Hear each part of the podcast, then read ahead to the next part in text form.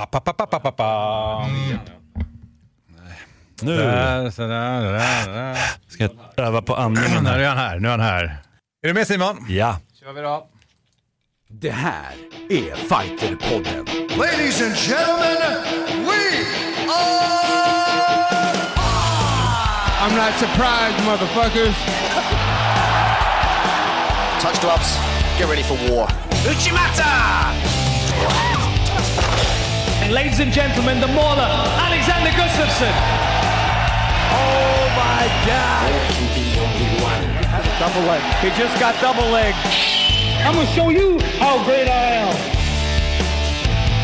Det är så här vi gör, vi peppar upp oss varannan vecka i Fighterpodden. Hallå Simon Kölle! Tja, tja. Jo, riktigt peppar. Eller hur? Absolut. Jag heter Mårten Söderström, det är här vi träffas. Eh, Ja, nu var det faktiskt en månad sedan, vi har haft ett litet break däremellan. Men här pratar vi om kampsport i bredd och vill du kontakta oss som vanligt är det fighterpodden at fightermag.se. Och det är jag och det är Simon och så är det som vanligt då också Hans Wiklund. Var är du någonstans?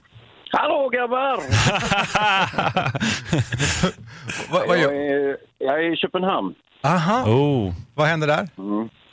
Ja, vi är nere med Veckans brott och eh, Leif GW Persson och eh, tittar lite noggrannare på den här ubåten, ni vet den här som den här så kallade raket-Madsen eh, har byggt. Eh, och eh, sedermera så bjöd han ju in en kvinnlig svensk journalist och eh, hon hittades, eh, en del av henne hittades sen utanför Amanger, eh, sydvästen Köpenhamn. Det är en väldigt tråkig historia, men eh, det var eh, omhäktning av honom där och vi var där och följde det och tittade på ubåten och sådär. Och du har varit ombord eller?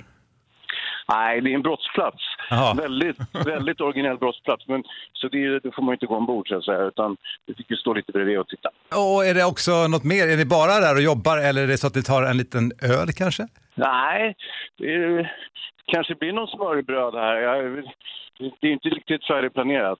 Så att jag föreställer mig att eh, ett smörrebröd och kanske någon eh, Ålborg, jag vet inte. Det brukar bli så va? Men det här är ju ett idrottsprogram så vi ska inte prata om sånt. Du, idag ska vi faktiskt ha med oss eh, Amir the Prince Albasi på telefon om en liten stund. Känner du till honom? Ja, ja. Han var ju en duktig eh, jujutsu-kille. Verkligen. Så. Vi ska ta det sen. Jag kollar faktiskt upp, du vet ju på tävlingen där vi brukar mötas på Swedish Open i BJJ. Jag hittade alltså resultat från 2007. Då är han ju juvenile. Och han, han är etta hela tiden på alla matcher. Ja. ja. Han var ju- var ju wunderkind, eh, lite ungefär som Emad Omran nu så att säga. Men sen så fick ju eh, Amir sig med på MMA då. Har du någon kampsport annars då, som du har funderat på sistone? Nej, men det var ju SM i, i brasiliansk jiu-jitsu för två veckor sedan. Var det ett bra SM eller vad tycker du? Ja, det var ju lite ensidigt för att uh, Prana jiu-jitsu sopar väl hem nästan allting. Att du, att du ens öppnar upp den Simon? Jo, nej men vi ska vara ärliga. Vi ska vara ärliga. Nu när det är så mycket snack om det här med att man eh, bara backar upp sina egna och så. Ni har väl läst om det senaste tiden? Med kommentatorerna där via Play och har fått mycket skit. ja, absolut. Och det är klart att det, det är en liten grej med kampsport. Att det, ja, det där, man får ju alltid med sig det på något sätt. Men du Hans, jag vet att du är upptagen nu. Du håller på att jobba med annat. Vi ska bara säga hej till dig. Ja, men det var jättekul att ni ringde, som sagt. Eh, Så nu, nu blåser jag vidare här eh, med, med eh, Veckans brott och så, så, så ses vi när jag kommer hem. Ja, det är bra. Välkommen hem. Ja, välkommen. Tja. Ha det gött. Ha, Tja. hej, hej. Hans Wiklund alltså, den tredje medlemmen i Fighterpodden. Nu ska vi kasta oss in på det som är ditt bord, Simon Kölle.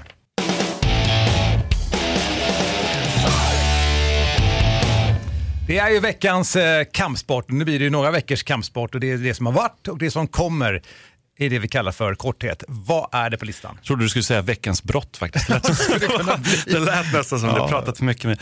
Nej, men det, är ju, nu har det, ju, det händer ju mycket hela tiden i den här världen förstås och jag ska försöka banta ner det lite. Elin Öberg tog silver på VM i Wushu tycker jag var rätt häftigt. Eh, eh, där Hao Min Lin stod som segrare. Vi har haft eh, svenska framgångar i jujutsu också. Vi har pratat om det där. Jag Jujutsu, bara fastnar skillnaden i jujutsu. Där. Det, Mm. eh, Linn, alltså Yvonne Linn, finns det en, eh, ja, ser du lite fundersam där. Ja, det är lite Svenska legendarisk, som jag tror är en kvinnlig som sagt utövare av Wushu, som eh, var rätt het alltså på så här 80-90-talet. Eh, och sen gick jag över, hade ett träningscamp och hon var rätt tidig med att koppla ihop ska man säga, vardagsträning, den som är motionsträning, med kampsport. Okej. Idag är det helt självklart. Ja, idag är det väldigt självklart. Alltså vilket gym som helst, men då är det så lite spännande. Eh, Och eh, jag tänker bara att det finns någon koppling. Lineage är inget jätteovanligt. Linn kanske är typ som Andersson i, Asien. Nej, glöm det då. Okej, ja. Nej, men eh, svenska framgångar som sagt eh, på German Open i jujutsu. Vi har pratat om jujutsu, skillnaden jujutsu vi ganska många gånger redan. Men, Mm. eh, Vi pratar ju om sport-jujutsu såklart. ja, men du vill att man ska säga det. Fast det är roligt det. för att när förbundet pratar om jujutsu, då säger de bara jujutsu. De vill inte säga, de vill lägga inte till det här sport. Grejen. Det är BI-folk mycket som gör det. Ja, men du vet, det är lite intressant för att det händer ju samma fenomen i alla olika idrotter. Om du tänker skidåkning idag så när jag åker skidåkning i min uppväxt, så jag, ska åka, jag ska till fjällen och åka skidor, då åker jag ju utför. Just det. Men det, eftersom längdåkning har blivit så hett nu, så har längdåkning okej. tagit tillbaka det. Så då är det så att det är alltså skidåkning, det är längdåkning. Så när man säger nej, nej, men jag, aha, du åker utför, det är något helt annat. Aha, och jag, det är så här, du vet, när man liksom tar tillbaka någonting. Och jag tror att det är så att just jujutsun, som då var jujutsu sen, som kallar sig själva för sportjujutsu för att man skulle skilja sig från traditionell alltså jujutsu utifrån självförsvarssynpunkt. Sen när Beijing kom och sa jujutsu, då blev det också en beef igen och då började sportjujutsun backa. Och det är förvirrande för att det är såklart, om du inte vet skillnaden, så är det, det finns ju markkamp i sportjujutsu, men den är också stående för dig. Alltså det är i stort sett en poängsport. Just det, just det. Jits, skulle man säga det i, i jujutsu- sportjujutsu-världen tror du? Vad menar du då? Jits. Jits? Det Bara att man, ja, jag håller på med jits. Ah, inte. det, det, det kanske inte har kommit till Sverige, men det kommer. Nej. Vi får se. Nej, men i alla fall där på German Open så Emma Lette tog guld och Rasmus Nollbratt tog också guld. Linda Lindström silver, Elias Ingholt på New York-sidan också silver och sen hade vi ett, ett helt gäng med brons där också. Det, ja, men det, Sverige är starka i jujutsu i alla fall och fortsätter vara det. Det är häftigt tycker jag.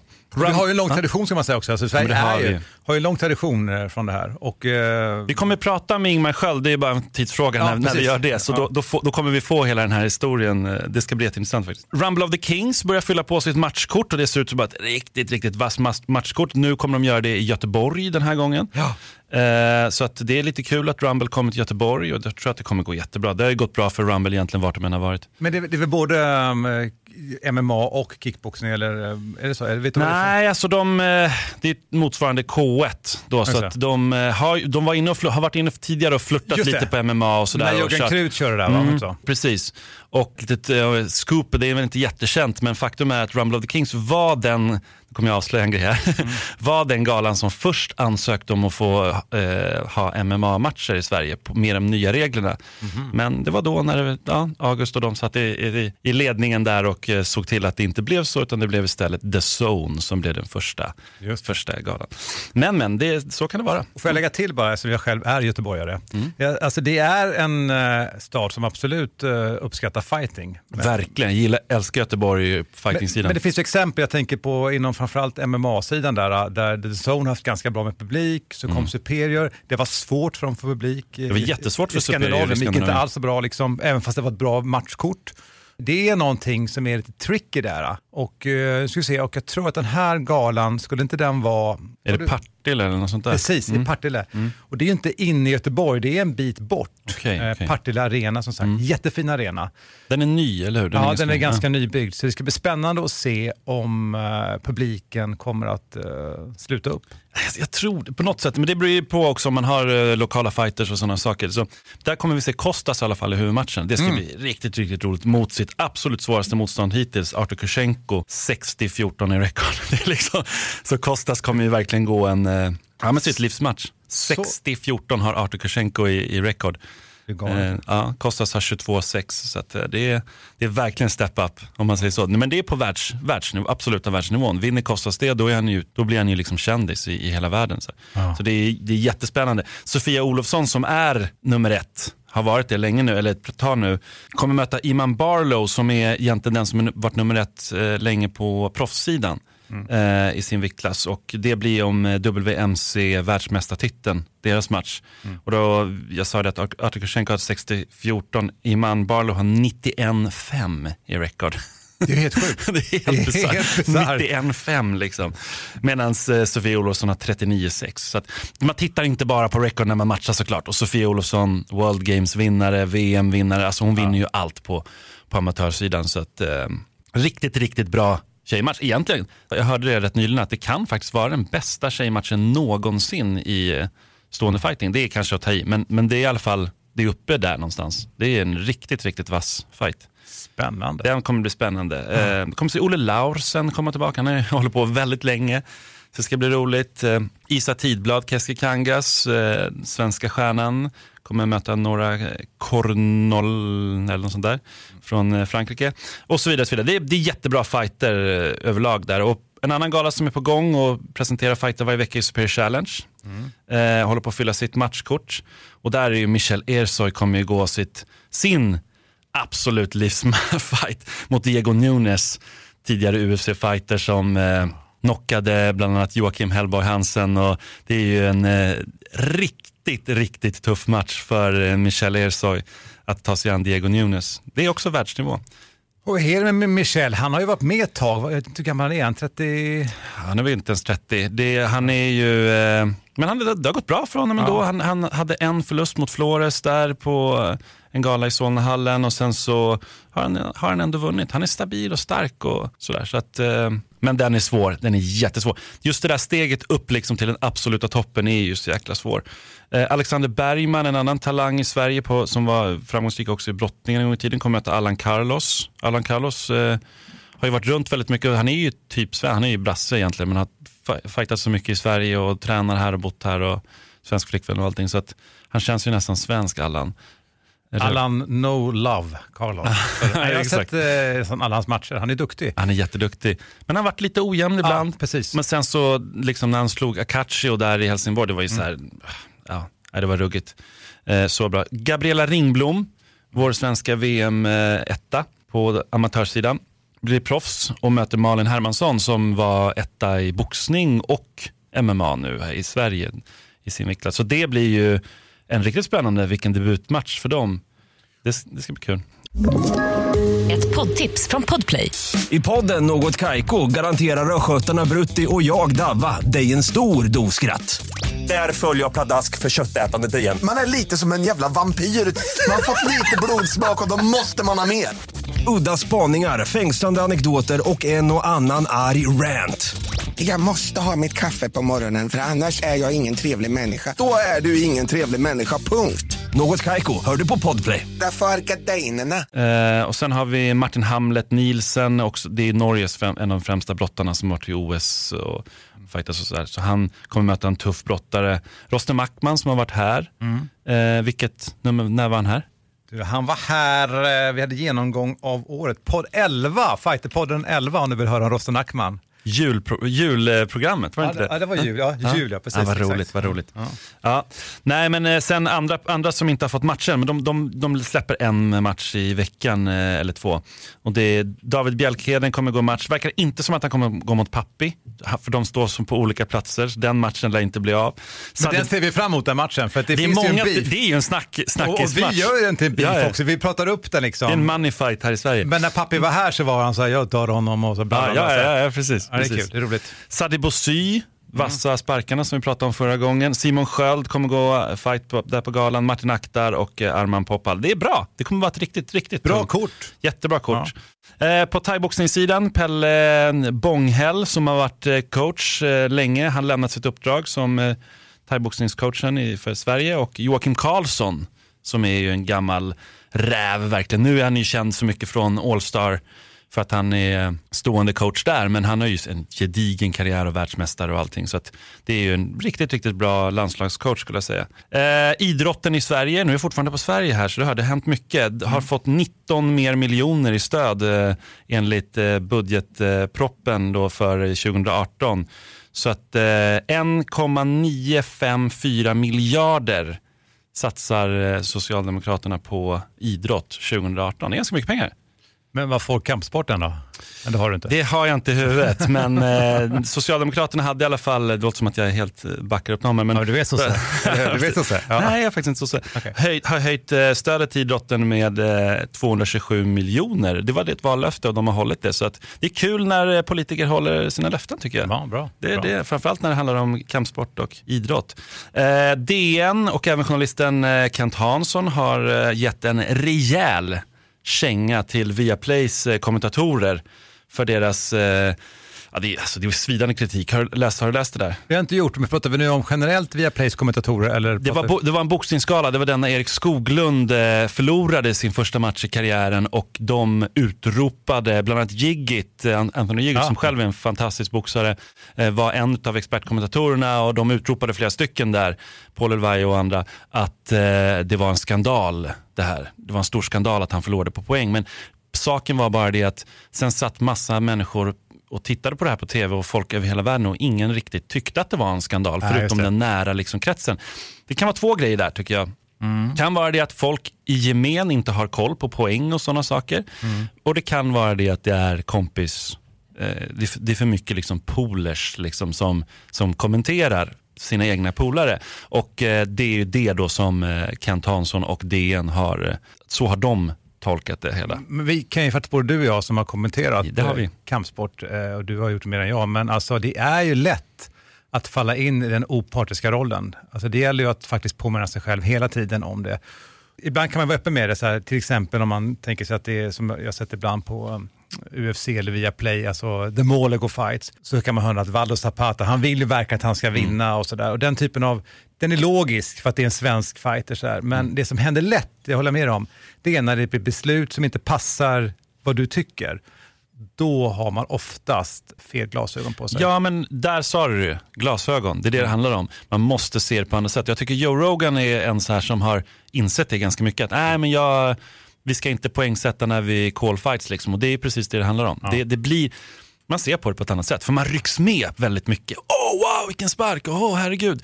Och som poängdomare då ska du ju bara se, ah, okej, gick den här in, träffade, mm, drev han på, mm, hur, var han, hur, mycket, hur stor del av ronden gjorde han det och, hur, och i boxning hur mycket man prickar. Och det, det är också lite skillnad där. Nu är det så många som är vana med MMA-regler och det är ju inte boxningsregler. Det var det här stora, så många MMA-fighters och, och fans som tyckte att Conor McGregor var, ja, det var så dåligt att han vann så få ronder och så. Jag var en av dem, absolut. Men när man tittar lite på boxningsreglerna, plus att boxning, ja, Men mitt tips, om jag får säga det. Mm. Här har ni det, lyssna nu via Play. Eh, och eh, framförallt för Paul de Valle, som då är kommentator. Har du en expertkommentator, expertkommentatorer har en benägenhet att ibland bli bias med den fighten Mm. för att de kan ha en historia, de har tränat ihop.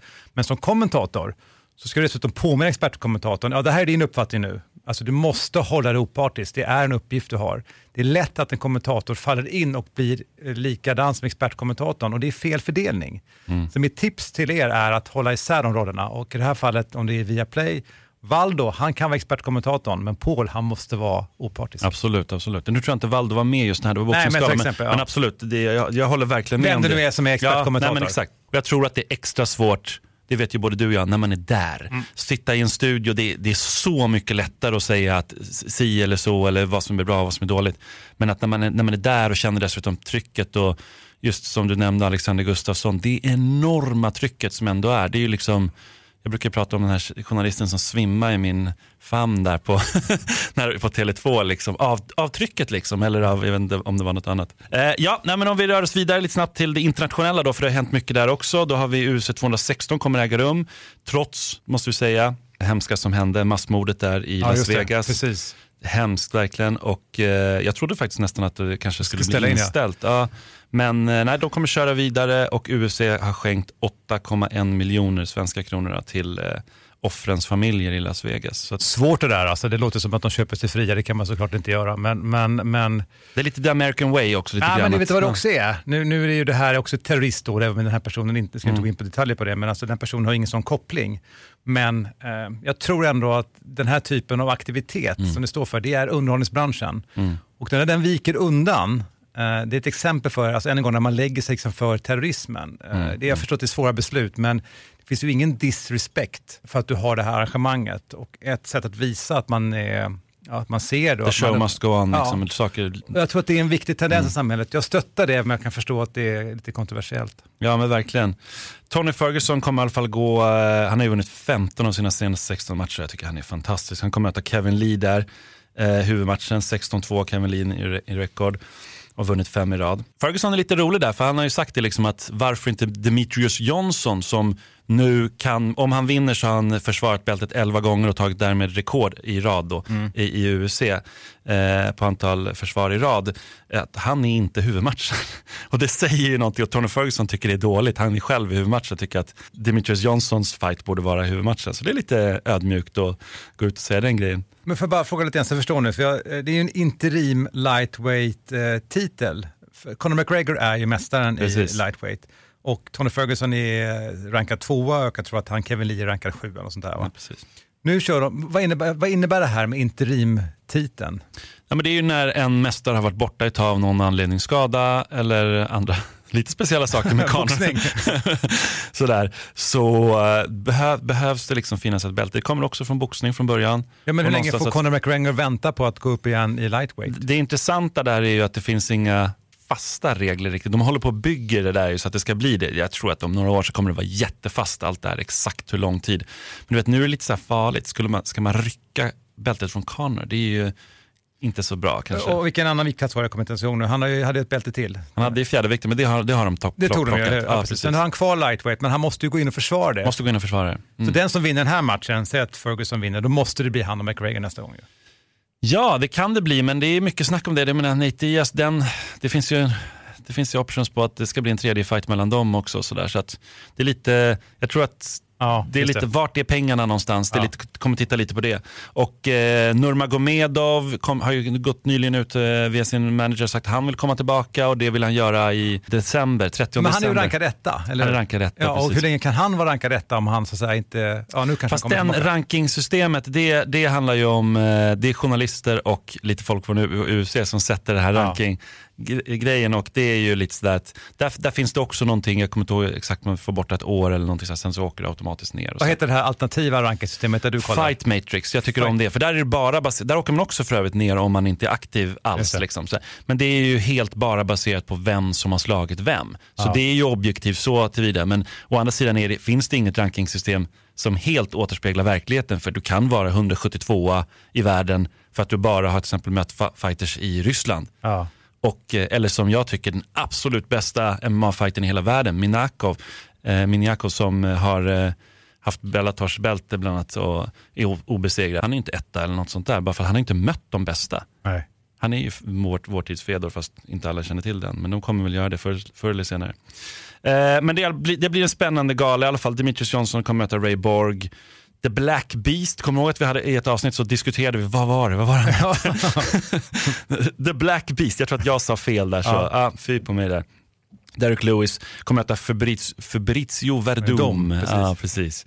Så det är sådär old eh, school-möte verkligen. Alltså jag ser verkligen fram emot Mighty Mouse. Alltså Mighty Mouse är alltid kul alltså. Den, alltså, herregud. Även om han har 11 vad det är, obesegrade rad och så. Ja, precis. Sen eh, kan jag ge ett tips faktiskt till eh, alla ni som lyssnar att lägga en slant på, nu får jag, jag får äta upp det här då om det inte stämmer, lägga en slant på Thales Lates som möter Brad, Brad Tavares och det är ju så här närmast märkligt att Lates är underdog i den, den fighten. Så det, ja, det är bra odds där alltså.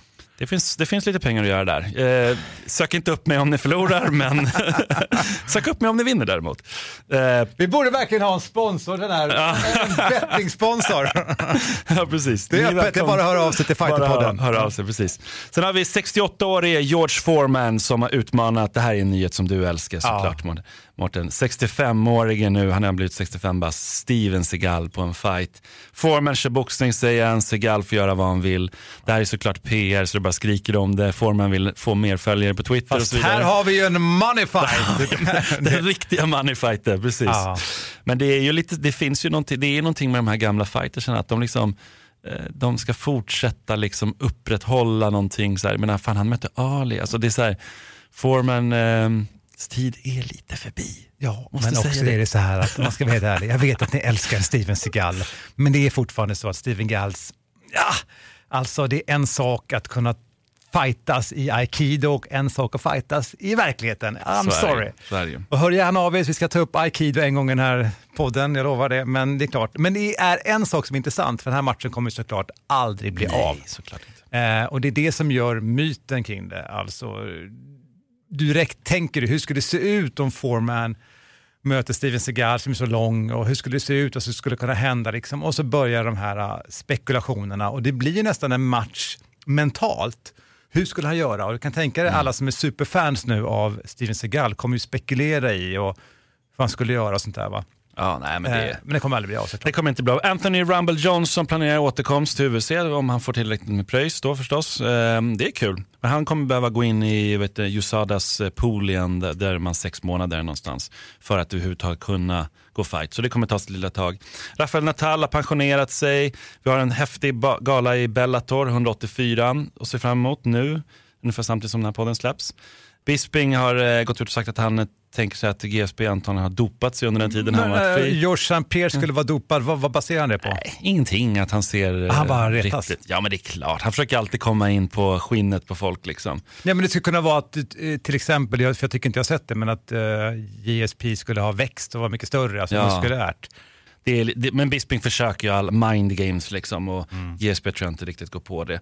Cormier gick ut till fansen under den här tiden när vi var borta här och eh, frågade vem ska han möta, Volkan Ozdemir eller Alexander Gustafsson. Fansen sa Volkan Ozdemir. Och, eh, så nu har han sagt då, då möter jag Volkan. Jag har ju hela tiden varit inne på det att han, han vill dodga Alexander Gustafsson. Det var split decision. Ja. Och det, nej, Alexander Gustafsson har ju aldrig sett så vass ut som han gjorde sist, skulle jag säga. Nej. Så att, eh, nej, det, det kommer nog säkert bli en fight mellan Volkan Ozdemir och eh, Cormier. Och Volkan har ju då svarat att han gärna tar fighten, såklart. Varför skulle han inte göra det? Och att han skulle ta Cormier direkt. Typ. Ja, att han tar honom direkt. Det är liksom inget snack. Plus att han kommer ju, Cormier kommer ju ändå från en knock- knockförlust. så att- Ja, och sen avslutningsvis då så har vi David Tamer, eh, verkar som att det ryktas i alla fall att han kommer möta en obesegrad kille som heter Drakar Klose, 8-0 i record i USA. Så att eh, han fortsätter verkligen gå fram, framåt Tamer. Det, Gjorde ju en fantastisk match sist. ja, Ja. det gjorde han verkligen. Tar han den, ja, vem det nu är den här killen som jag inte vet vem det är han ska möta, men det är jättekul. Ja, nej men det är en, eh, framförallt en stående fighter. Alltså han, han matchas ju också mycket mot tuffa stående fighters så han är ju så här, har chans hela tiden på att få performance of the night och så. Kul. Men vi har gäst, eller hur? Ja, vi ska ringa.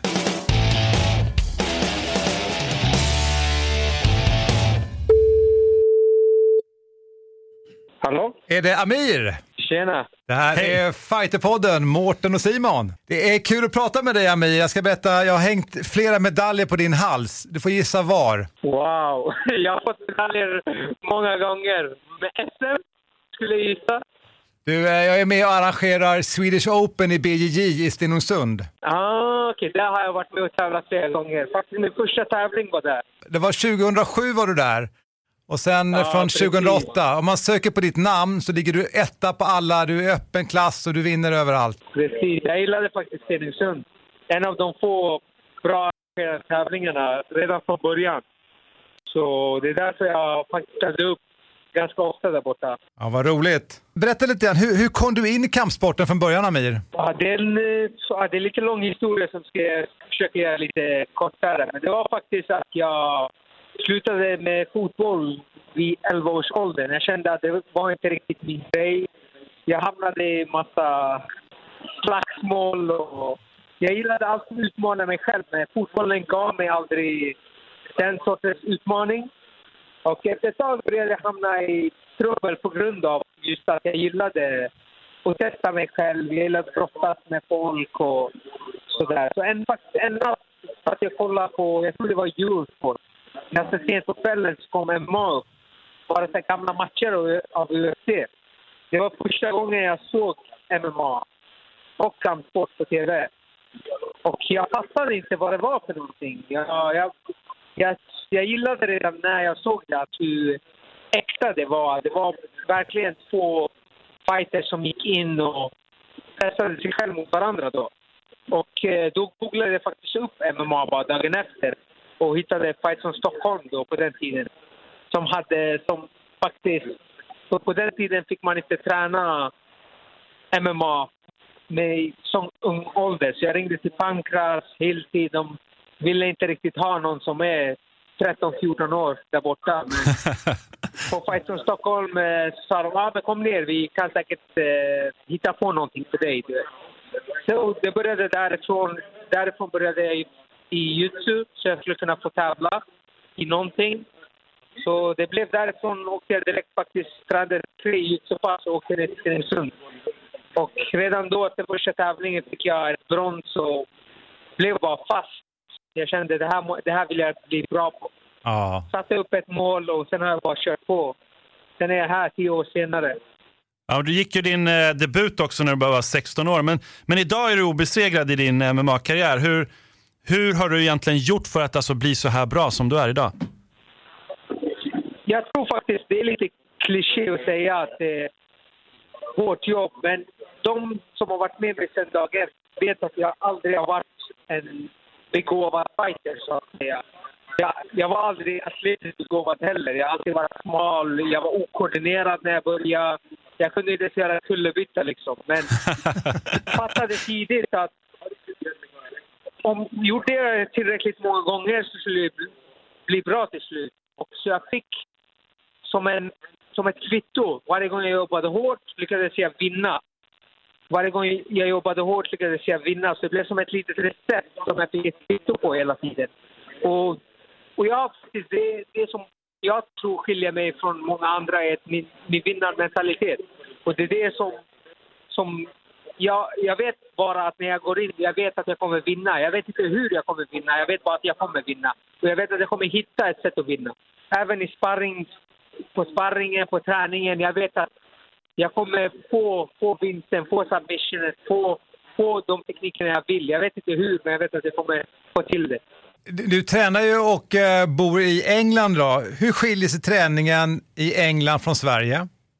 Eh, det är flera, flera grejer faktiskt som skiljer som jag har känt att det är mer, eh, det är inte direkta pass de har så som proffsfighters så är det mer specifik träning till just dig.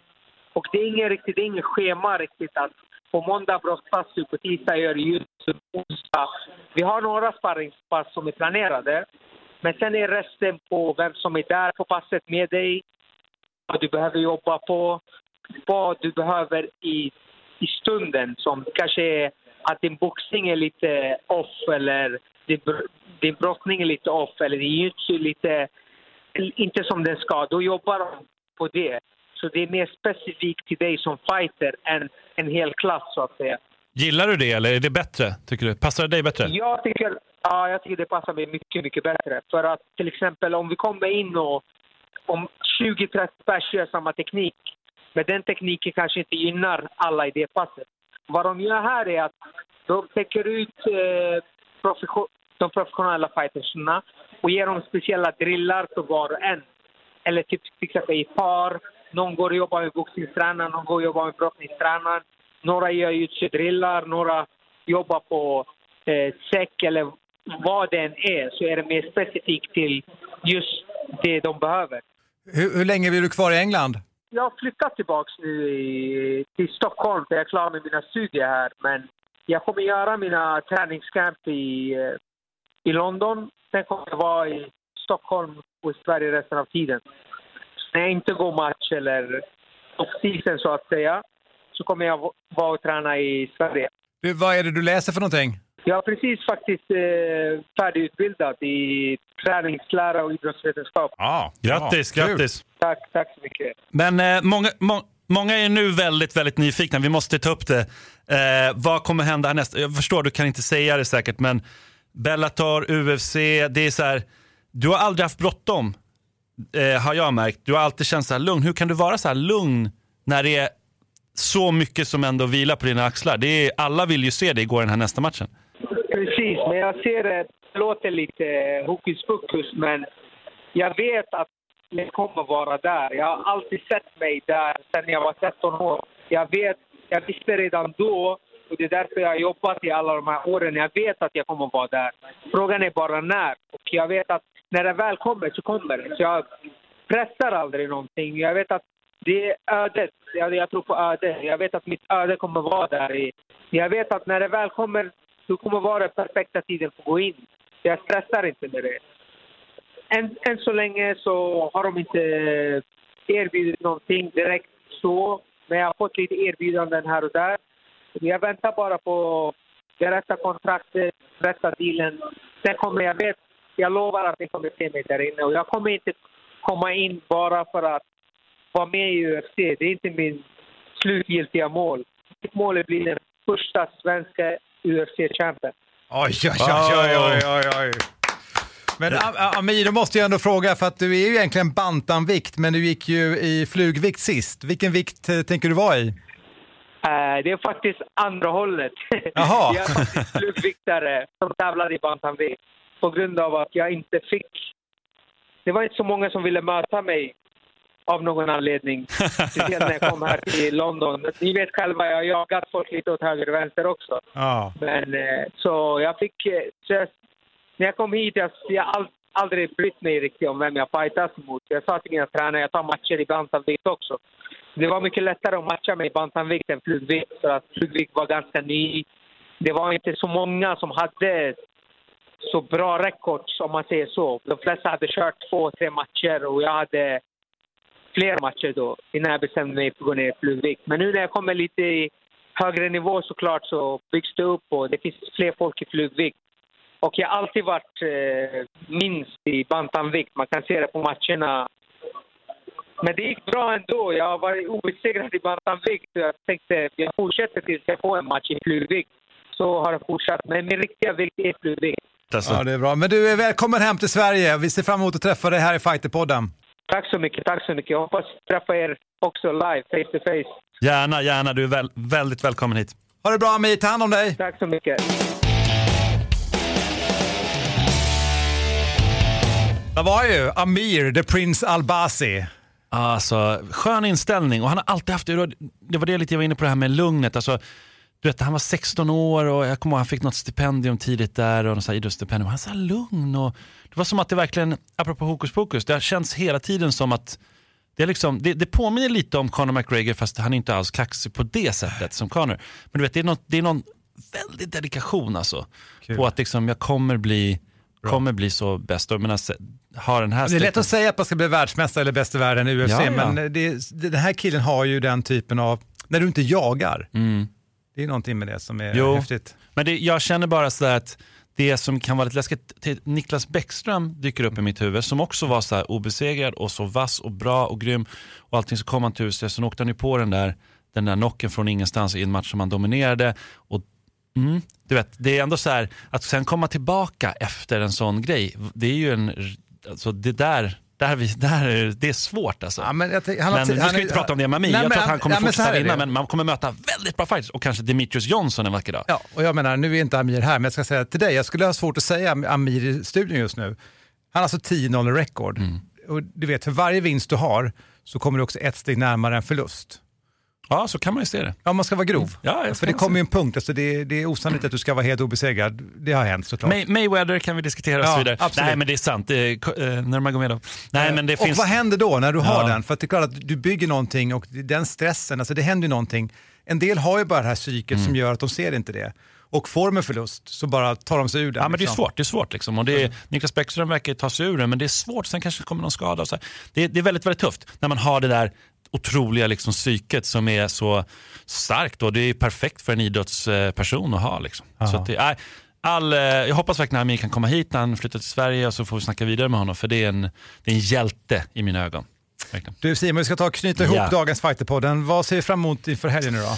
UFC 216 förstås på lördag. Vi har Bellator, Bellator-skalan där, 184. Den är också riktigt bra på fredag. Jag vet att inte så många tittar på Bellator, men eh, det blir en bra gala. Men annars är det 216 där som blir Tony Ferguson alltså, mot Lida. Den är jättebra. Demetrius Johnson, din favorit. Ja, jag tycker det. Men det är väl någonting bara med den liksom, viktklassen, att det går så jävla fort va? Det går fort, det går fort. Men det blir inte så mycket avslut och så. Det är väl Nej, det, därför nej. vissa liksom är lite gnälliga över den viktklassen och sådär.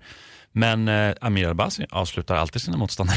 så att, eh, kast, vi kastar in honom snart Ja. tycker jag. Han ska Amir mot uh, The Mighty Mouse. Spännande. Kanske inte nu, kanske inte nu. Nej, precis. Nej. Ja, jo, precis.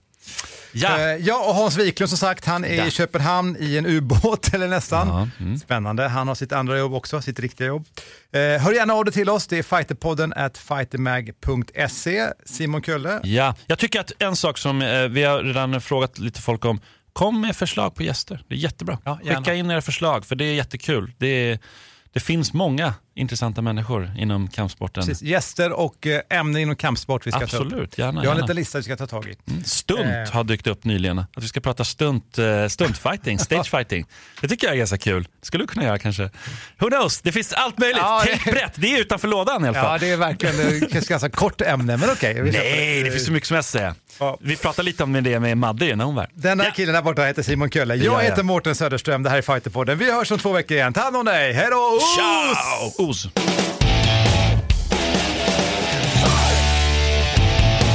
Fighterpodden produceras av Suba Media för Radio Play och Fighter Magazine. Ett poddtips från Podplay. I fallen jag aldrig glömmer djupdyker Hasse Aro i arbetet bakom några av Sveriges mest uppseendeväckande brottsutredningar. Går vi in med hemlig telefonavlyssning och, och då upplever vi att vi får en total förändring av hans beteende. Vad är det som händer nu? Vem är det som läcker? Och så säger han att jag är kriminell, jag har varit kriminell i hela mitt liv men att mörda ett barn, där går min gräns. Nya säsongen av Fallen jag aldrig glömmer på Podplay.